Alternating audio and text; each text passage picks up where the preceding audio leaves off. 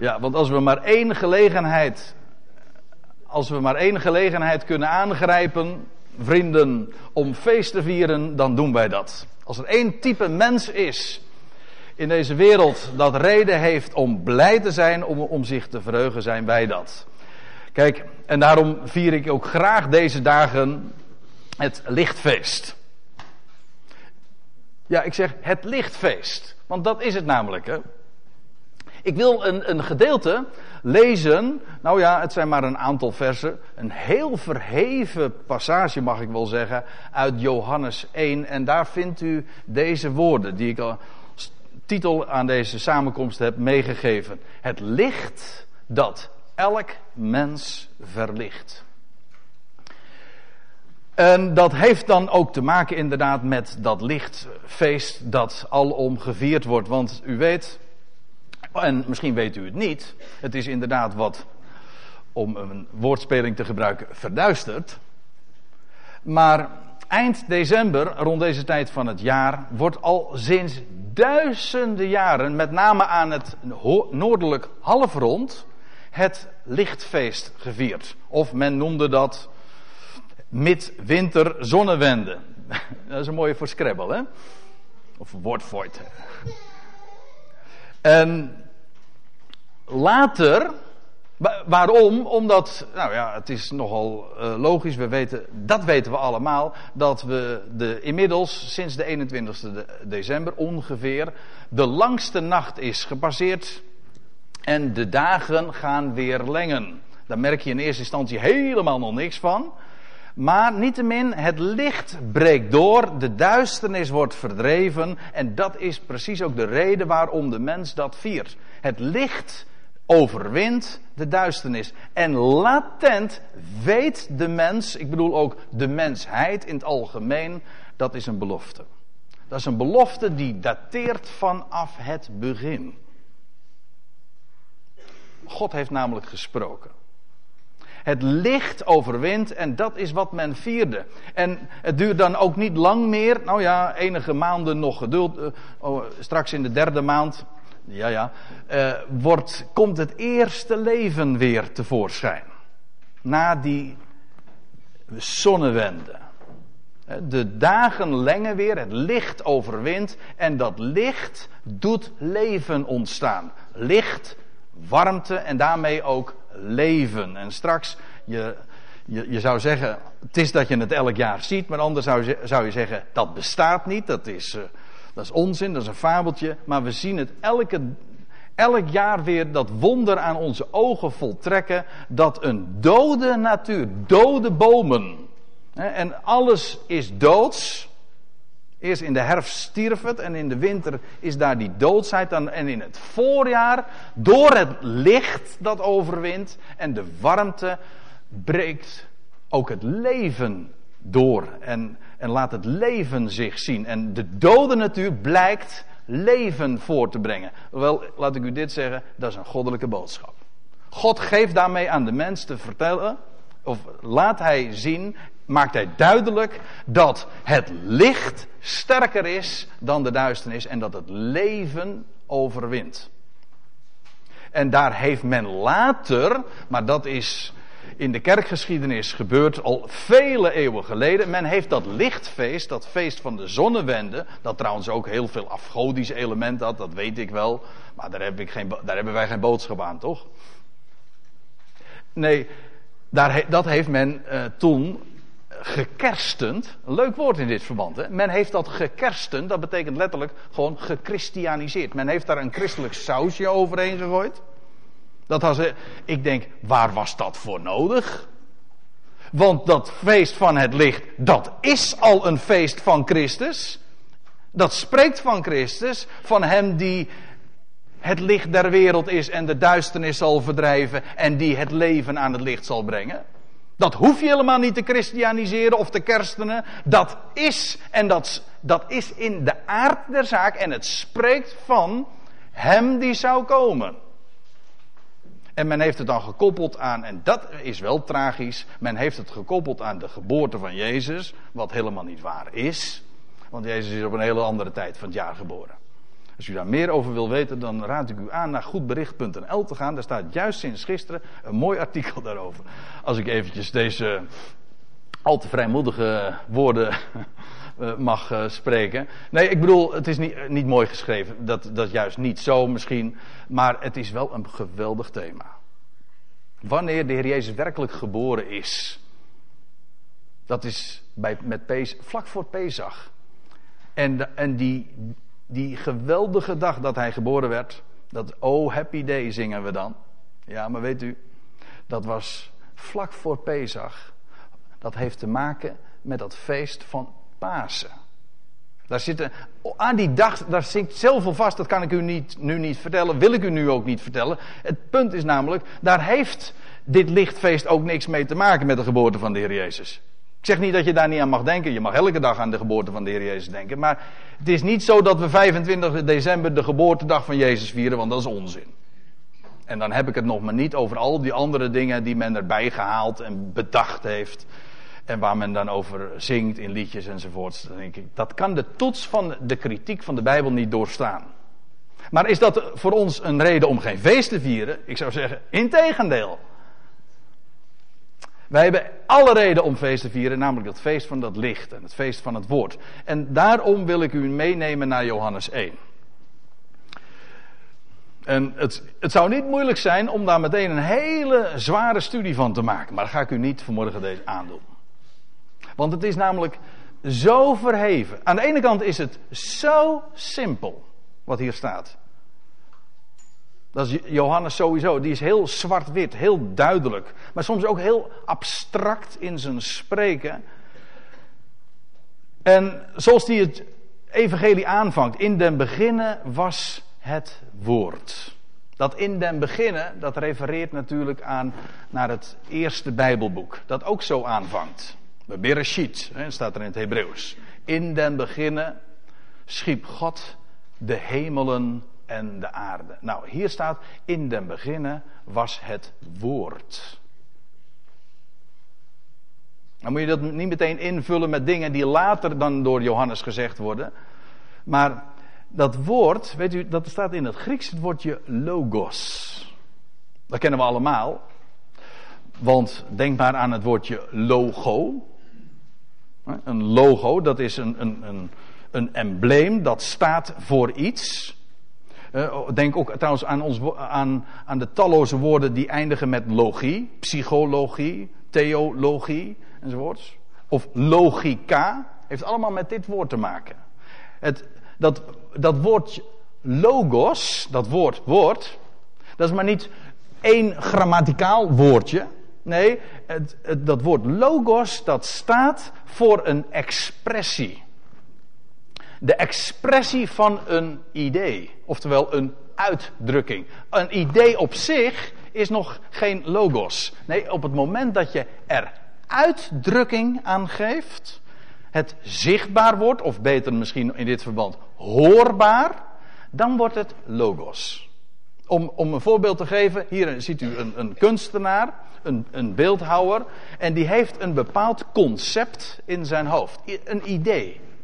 Alles wat we zien trouwens, en alles, wat, ja, alles waar je mee te maken hebt uh, met creaties, of het nou een auto of een stoel of een tafel is, ooit, het is allemaal begonnen met een idee. Met iets wat, wat een, mens in zijn hoofd had. Maar het is niet in het hoofd gebleven, er is uitdrukking aangegeven. Als iemand alleen maar een stoel bedacht had, had u hier niet kunnen zitten. Hm? Nee, de, stoel moet ook daaraan vorm gegeven worden. Nou, dat is logos. Vorm geven, expressie, uitdrukking geven aan dat wat van binnen is. Aan een concept, aan een gedachte. Dat is dat woord logos. In de, in de, Bijbel wordt het ook heel vaak gebruikt en wordt soms vertaald met een rechtszaak of een verslag of een boek. Het kan van alles betekenen. Alles kan een uitdrukking zijn van een gedachte. Maar hier staat in den beginnen was het woord. Dat betekent vanaf het begin was daar die uitdrukking van gedachte. Ja, niet van menselijke gedachten, maar van wat God bedacht heeft. In zijn voornemen, zoals dat heet in de Bijbel. Het plan dat hij heeft. Maar God heeft ook gesproken. En daar staat er in Johannes 1, en ik ga daar niet al te lang bij stilstaan, maar er staat er letterlijk, en het woord was bij God. Nee, ja, zo staat het dan in de MBG-vertaling, maar letterlijk staat er, het woord was naar de God toe. Dat geeft richting aan. Dat woord verwijst naar God. Vanaf het begin drukt God zich uit. En dat wat hij uitdrukt, dat verwijst naar de God. Het voorzetsel wat hier gebruikt wordt, dat is eigenlijk naartoe. Het woord was gericht op, of het, ging naar God toe. De logos, dat wat God spreekt, wat hij uitdrukking aan geeft, dat verwijst naar hem. En dan nog iets, en dan vervolgens, en het woord was God. Letterlijk staat het er trouwens precies omgekeerd. God was het woord. Dat wil zeggen, God maakte zich kenbaar en de wijze waarop hij zich kenbaar maakt, namelijk door zijn spreken, hij openbaarde zich, wel dat was hem. Dat is helemaal niet gek, zo spreken wij daar ook over. Als ik een plaat, ik noem maar wat, opzet, of ja, dat is wel heel erg uh, 20e eeuws, hè? want je zet geen plaat meer op. maar eh, ik hoor een nummer, ik noem maar wat, van een pianist van Louis van Dijk. Dan zeg ik, en ik hoor zijn muziek, dan zeg ik, dat is Louis van Dijk. Hm? Nou, eigenlijk is het de expressie van wat hij in zijn hoofd heeft. Hè? Hij speelt muziek en het is de uitdrukking daarvan. Dan zeggen, dat is Louis van Dijk. Ja, dat is ook zo. Het verwijst namelijk naar hem. En is met God ook zo. God spreekt. En als we hem horen, hé, hey, dat is God. Precies. Want hij is de onzienlijke God. Geen oog kan hem trouwens ook zien. En God was het woord. En dan staat er, dit was in de beginnen bij God. En ik zei al, letterlijk staat er dan bij dat woordje bij, het, het verwijst naar God. En dan komt er, vers 3. Alle dingen zijn door het woord geworden. Alle dingen, dat wil zeggen het gans heelal. Alles, de hele kosmos. Vandaar ook dat we het schepping noemen. Het is geschapen, het is een creatie. Alle dingen zijn door het woord, de logos, geworden. En zonder dit is geen ding geworden dat geworden is. Dus alles wat er is, dat is dankzij bestaan aan de logos. God sprak, zo staat het in Psalm 33. Hij sprak en het was er. Hij gebood en het stond er. Hij sprak, er zij licht en er was licht. Alle dingen zijn door het woord geworden. Er staat in Psalm 33 ook, ja, dezelfde psalm waar ik zojuist uit citeer. Daar staat in vers 6 dit. Door het woord des Heren, door het woord van Yahweh, de naam van God, door het woord des Heren zijn de hemelen gemaakt en door de adem van zijn mond, eigenlijk zijn geest, door dat wat hij, maar dus ook zijn spreken, want spreken doen we ook door middel van adem. Dat is, dat is zo mooi aan, aan die Hebreeuwse taal, die, die oorspronkelijke taal van God. Hebreeuws betekent letterlijk, het is de taal van de overkant. Het is de taal die niet van deze zijde van de wereld komt, maar van de andere zijde. God spreekt, maar zijn spreken is ook adem. Zoals wij ook spreken door middel van adem. En we vormen onze adem eigenlijk door te spreken. Nou, ik zeg niet helemaal correct, maar u begrijpt wat ik bedoel. Ja. Door de adem van zijn mond al hun Heer. Woord en geest en woord en adem is allemaal één. Je kunt het niet uit elkaar knippen. Uiteindelijk is zijn woord ook gewoon geest adem. Door het woord des Heeren zijn de hemelen gemaakt. En door de adem van zijn mond al hun Heer. Hun Heer, dat wil zeggen die hele massa aan sterren en de, de legerscharen aan sterren en hemellichamen. Alles. En er staat er ergens anders in de psalmen. Hij roept ze allemaal nog bij naam ook. Ja, want die sterren die hebben allemaal namen. Die sterren beelden trouwens ook. Ik kan niet nalaten om in dit verband er toch even op te wijzen. Dat God de hemelen gemaakt heeft. Hè, nu, nu we het toch hebben over en eraan denken, juist in deze tijd van het jaar, dat het licht doorbreekt. Dan hebben we het over de zon. Het belangrijkste hemellichaam. Maar wat dacht u van al die andere hemellichamen? Die heeft God gemaakt. En heeft ze een naam gegeven. En ook de sterrenbeelden. Waarvan een heleboel christenen zeggen dat is heidens en daar mag je, niet aan, daar mag je niks aan doen. Dan hebben ze het over horoscopen. Maar ik heb het niet over horoscopen. Ik heb het over sterrenbeelden. Weet u wie die gemaakt heeft? De schepper. En zal ik u eens wat vertellen? Die hemelen en al hun heer, en al die sterrenbeelden en al die sterren die hij bij name kent. En hij roept ze bij name. Hij heeft die namen gegeven hoor. Dat is geen menselijk verzinsel. Het zijn namen die God gegeven heeft. En die hebben allemaal, die spreken één taal. De hemelen, dat is ook de psalmen trouwens. De hemelen vertellen Gods eer en het uitsponsel verkondigt zijn er handenwerk. Psalm 19 vers 1. En het, het verhaal van de sterrennamen, het verhaal van de sterrenbeelden, dat is het in niets anders dan de machtige boodschap van het evangelie. Die sterrenbeelden die beginnen bij, daar moet ik altijd aan denken. Het is heel makkelijk ook te onthouden. Ik weet niet hoeveel verstand u van sterren hebt. Ik, heeft. Ik, ik, ik, vind sterren en sterrenbeelden, ik vind het een machtig interessant onderwerp. Waarom? Omdat het allemaal spreekt van mijn Heer en mijn God. Maar al die sterrenbeelden die beginnen. E- weet u wat de eerste sterrenbeeld is? Dat is de maagd. Ja, ja. De eerste sterrenbeeld begint allemaal bij de maagd. En het laatste sterrenbeeld is Leo. De leeuw. Als je het goed zegt, dan zeg je gewoon ook meteen leeuw. Het begint bij de maagd, het eindigt bij de leeuw. En ik zal u zeggen dat al die tussenliggende sterrenbeelden, en feitelijk zijn er, er nog veel meer, 48 in totaal. Ze spreken allemaal stuk voor stuk en zelfs in volgorde. Is allemaal geordend. Ze spreken de boodschap van het evangelie. Dat begint inderdaad bij de maag die zwanger werd, die nieuw leven voortbracht.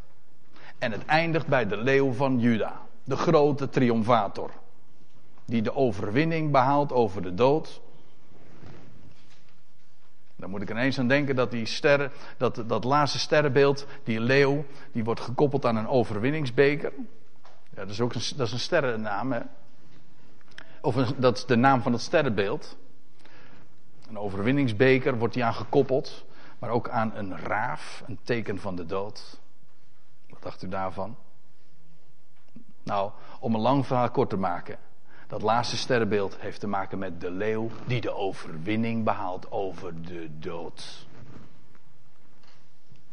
Zie daar het evangelie. Staat elke dag. Of nou beter gezegd, elke nacht. Zo aan de hemel. Het evangelie staat in de sterren. Niet uw en mijn verhaal, maar zijn verhaal.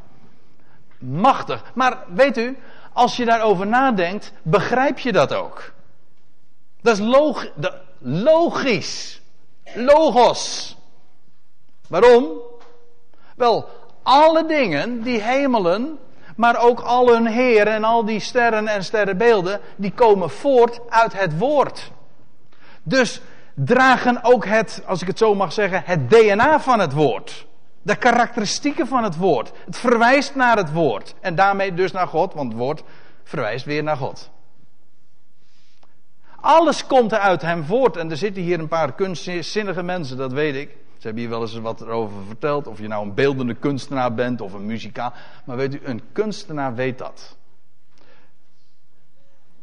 Je herkent een kunstenaar aan dat wat hij produceert. Waarom? Omdat wat een kunstenaar doet, een artiest doet, die, die drukt zichzelf uit. En daarmee dat wat hij uitbeeldt, of dat nou op een doek is of op een, op een, op een gewoon een, eh, een plat vlak of in muziek, het zegt iets over degene die het voortbrengt. En wat dacht u? Dat is met de schepper niet anders. De schepper drukt zichzelf uit in zijn schepping. En heel de schepping spreekt daarom ook van hem. Alle dingen zijn, uit het zijn door het woord geworden. En zonder dat is geen ding geworden dat geworden is. Vandaar dat de hele schepping dus spreekt van De schepper. Als je de schepper niet kent, dan begrijp je niets van de schepping. En dan kun je wetenschap gaan beoefenen. En die hebben bij voorbaat gezegd van we, wij doen onderzoek en wij houden ons alleen maar bezig met dat wat zich via onze zintuigen aan ons voordoet. Een prima afspraak natuurlijk. Maar daarmee sluit je meteen wel de hele werkelijkheid af. Heb je dichtgetimmerd. Want het geheim zit nu juist in hem die het allemaal voortgebracht heeft. Alle dingen spreken van het woord. Alle dingen zijn door het woord geworden. Zonder dat is geen ding geworden dat geworden is. En dan staat erbij in vers 4: In het woord was leven. In het woord was leven. Nou. Dat is, is heel karakteristiek van het woord. De, het spreken van God is levend. Het is licht, dat zullen we ook zien, maar het is leven. Ik zal een voorbeeld daarvan geven. In Hebreeën 4, daar vinden we een mooie, uh, dat is een mooie schriftplaats. En in vers 12 staat dit. Want het woord Gods, hier staat ook weer dat woord, hetzelfde woord, eh, logos. De logos Gods, het woord Gods, en er staat erbij, is levend en krachtig en scherper dan enig tweesnijdend zwaard. Een tweesnijdend zwaard, dat is een zwaard dat snijdt aan twee kanten dus. Hè? Dus hoe, hoe je het ook gebruikt, maar het snijdt altijd. Welke kant op ook. Het is scherper dan enig tweesnijdend zwaard. En het dringt door zo diep dat het van één scheidt ziel en geest. Dat vind, ik, dat vind ik altijd een mooie eh, uitdrukking. Dat het van één scheidt ziel en geest. Maar moet je eens een keertje uh, de mensen vragen gewoon. Ik, kan, ik zou het hier kunnen doen. Maar ja, dan loop ik risico dat ik het goede antwoord krijg. Hè? Maar wat is het verschil tussen ziel en geest? Psyche en pneuma. Op zijn Grieks gezegd. Wat is het verschil tussen ziel en geest? En mensen hebben dan geestelijke problemen. En wat doen ze? Dan gaan ze naar een psycholoog. Hm? Ze hebben geestelijke problemen en dan gaan ze naar een zielkundige. Mensen gooien het allemaal door elkaar. Maar weet u wat het woord van God doet? Maakt scheiding tussen ziel en geest. Het woord van God is scherp. Brand je handen er niet aan en verkijk je er niet op. Op het moment dat je in aanraking komt met het woord, dan zal blijken dat het scherp is, messcherp. Scherper dan wat ook. Het maakt je trouwens ook scherp, daar ben ik ook nog van overtuigd. Intelligent. Durf het rustig te zeggen. Nee, ik bedoel niet academisch. Ik zou haast zeggen, dat is vaak ook helemaal niet zo intelligent. Maar goed, dat grapje, dat, uh, dat laten we maar even voor wat het is. Maar u begrijpt wat ik bedoel. Het woord van God, dat, dat is scherp, maar het leert je ook scherp te denken. Het dringt door zo diep dat het van één scheidt ziel en geest, gewrichten en merg en het schift overleggingen en gedachten van het hart. Dat wil zeggen, dat wat er binnen is en wat, wij, wat een mens niet kan scheiden, dat scheidt en onderscheidt het woord. En als je, als je innerlijk verward bent en je zegt, ik, ik zie het niet meer zitten, of ik ben, ik kan het allemaal niet meer uit elkaar halen, dan heb ik één hele goede tip voor u. Laat het woord van God, niet ga, niet ga je bezighouden met het woord van God. Nee, ik zeg, laat het woord van God tot je komen. Dat is scherp. En als je verward bent, dan zal het woord jou voorlichten met recht. Het staat, en dan, even, want daar heb ik nog niks over gezegd. Er staat het woord van God, het is levend in het algemeen, alles wat God spreekt is leven. Maar wat dacht u van de schriften? De schriften, dat is inderdaad zijn woord. en van die schriften lezen we dat het geïnspireerd is, begeesterd, ingeademd. En dan zou je zeggen, ja, dat zijn allemaal, als je, dan die, als je de Bijbel hebt, dat zijn de schriften. Het zijn allemaal zwarte lettertjes op witte bladzijden. Ja, maar het is levend. Dus er staan geen eens plaatjes in. Nee. Maar dan heb, je, dan heb je nooit het woord werkelijk gelezen. Want het is één en al plaatje. Het is één en al afbeelding. Het zijn allemaal, wat dacht je wat? Over een, dan lees je een geschiedenis, ik noem maar wat, van Jozef of van David. Het, kan niet schelen.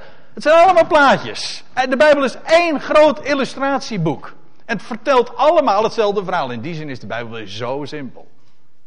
Zo simpel. Een kind kan het begrijpen. Ja, leuk hè?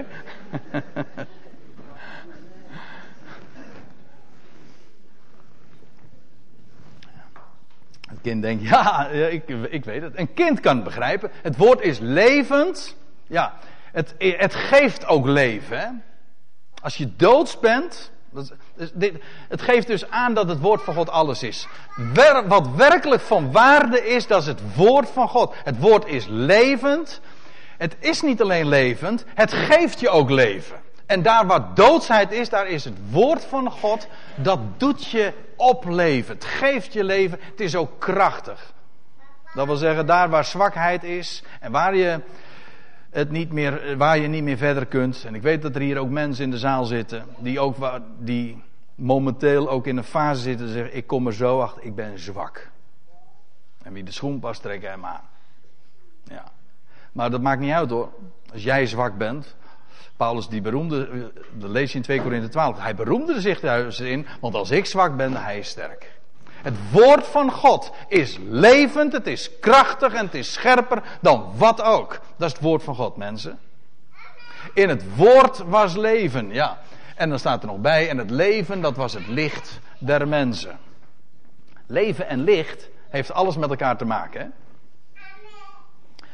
Want leven, dat is, is heel opmerkelijk, eh, als je dat, eh, als je dat eh, ook juist in het Johannesevangelie leest, dat,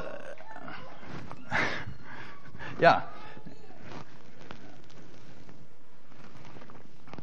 Ik, uh, ik, denk net van, waar had ik het ook alweer over? Want nou komt er een belangrijke opmerking van achteruit de zaal.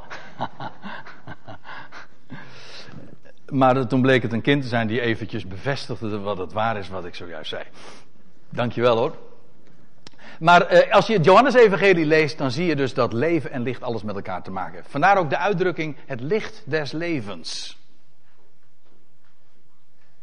Ik zei zojuist, nu, de dagen worden weer langer, het licht schijnt en wat gebeurt er? Licht produceert leven.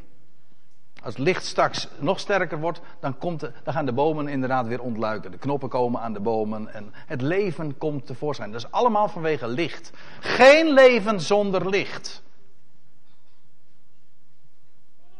En ik moet eraan denken. We zetten, nou, er staat hier niet zo'n boom, maar iedereen die zet uh, een kerstboom, zo noemen we dat dan hè, in huis. Maar weet u waarom?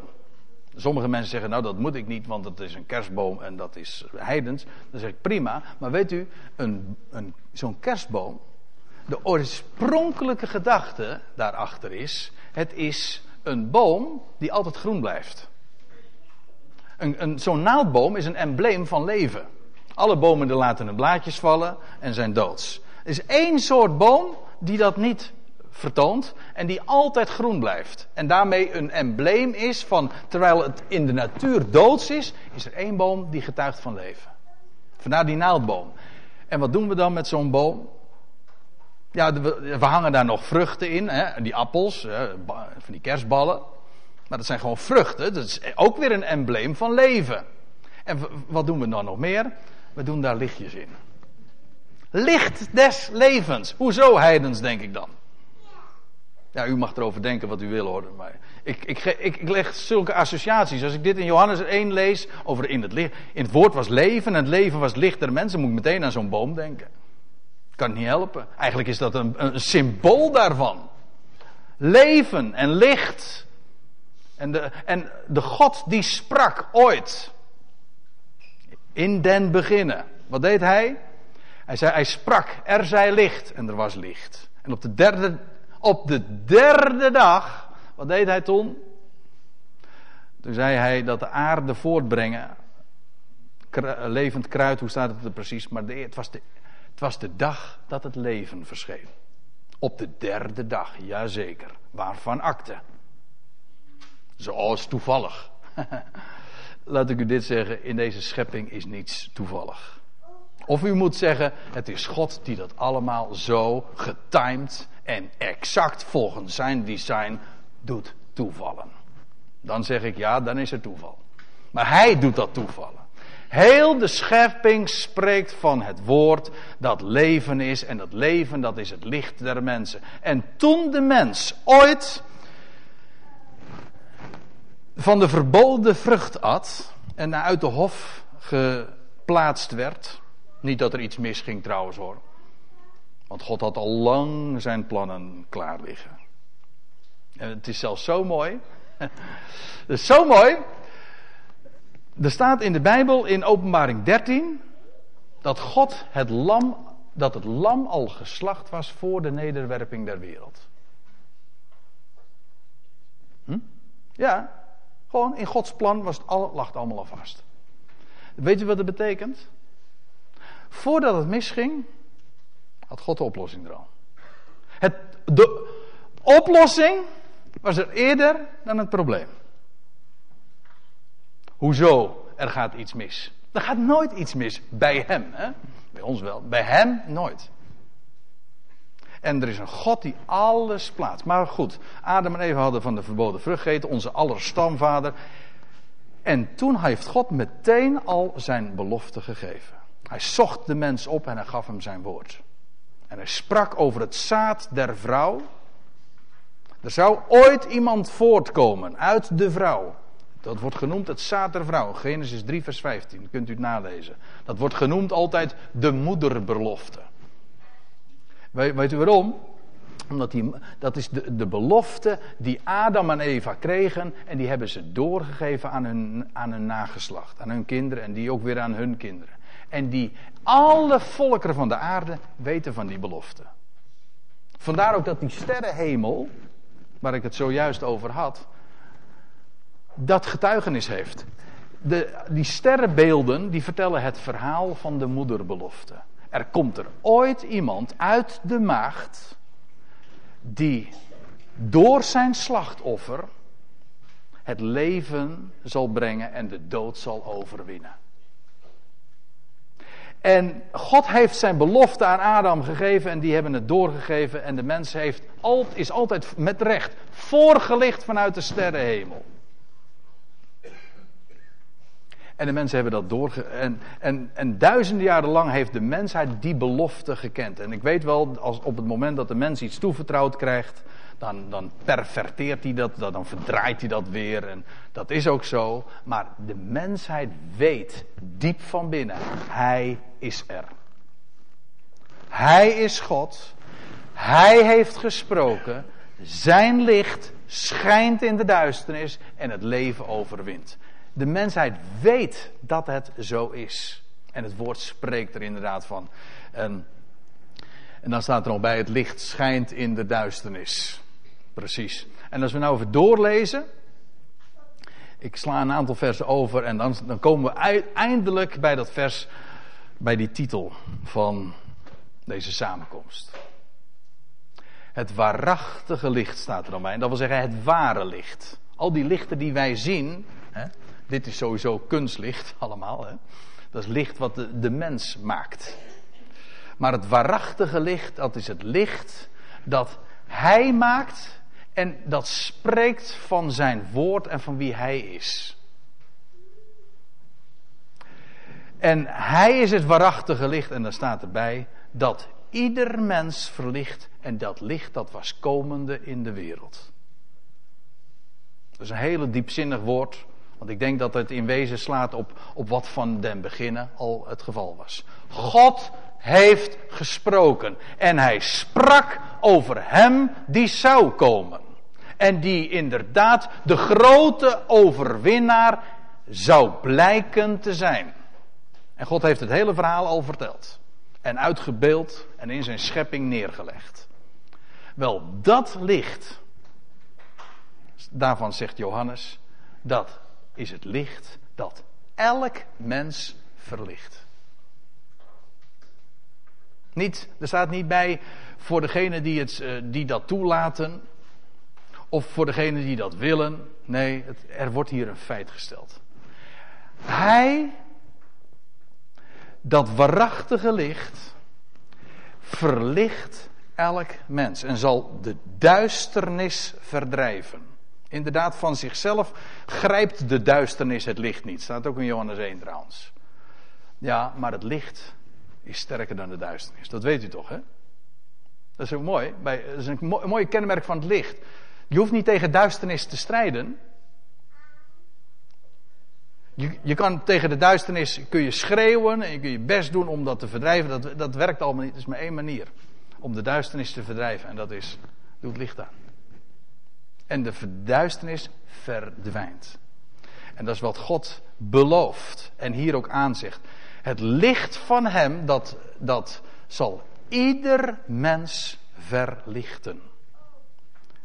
En er komt een moment, en nou zijn we, zijn we eigenlijk weer terug bij waar we waren, in de, bij de aanvang van deze samenkomst. Er komt een moment dat elk mens het ook zal beseffen en zal erkennen.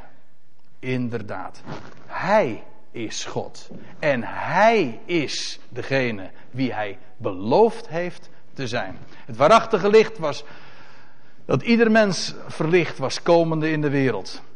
En dan wil ik graag deze, deze, deze studie tussen aanhalingstekens, deze overdenking, dit woord, deze logos, over eindigen met een citaat uit Filippenzen 2. Gaat ook over licht. Er staat in Filippenzen 2, dat begint met uh, ja, althans dat citaat wat ik nu wil geven, doet alles, zegt Paulus, of schrijft hij aan de Filippiërs, doet alles zonder morren of bedenkingen. Waarom? Ja, nou als u het voorgaande vers leest, dan begrijp je waarom hij dit schrijft. Maar ik wil ook graag even aanhaken bij wat ik zojuist zei. Er is één God. Er is één God. En hij geeft alles een plaats. Ik bedoel het ook heel concreet gewoon voor wie u bent. Ik we zijn hier allemaal weer verschillend binnengekomen, ondanks het feit dat we allemaal via diezelfde deur hier, uh, hier eh, terecht zijn gekomen. We zijn hier allemaal op een verschillende wijze. Met allemaal verschillende verhalen en achtergronden. Maar één ding weet ik zeker. God is degene die uw of jouw leven leidt. Hij zet alles op zijn plek.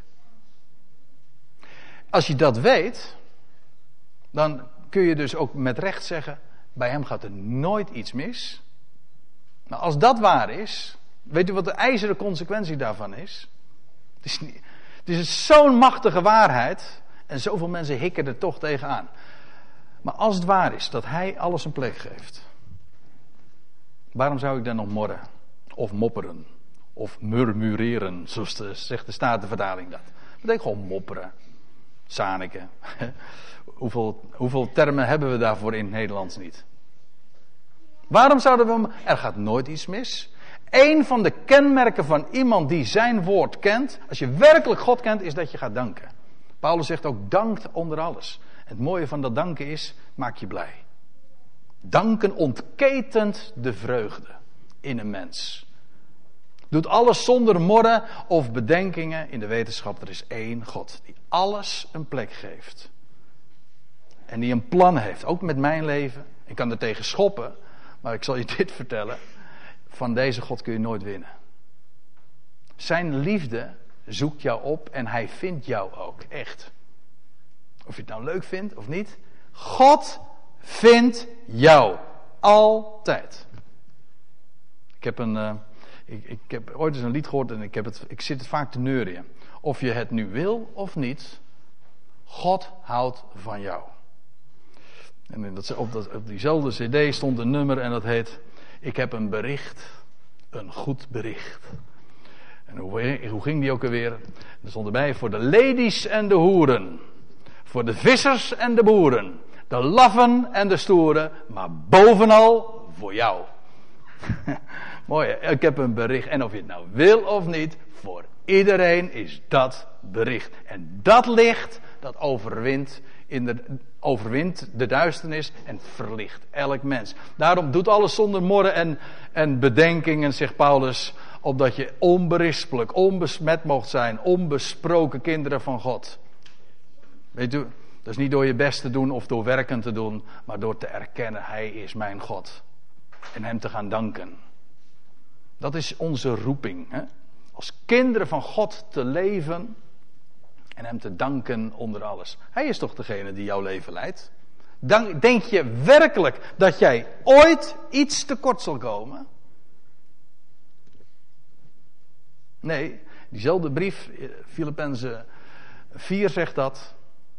Dat hij in al jouw behoeften, in alles wat jij nodig hebt, rijkelijk zal voorzien.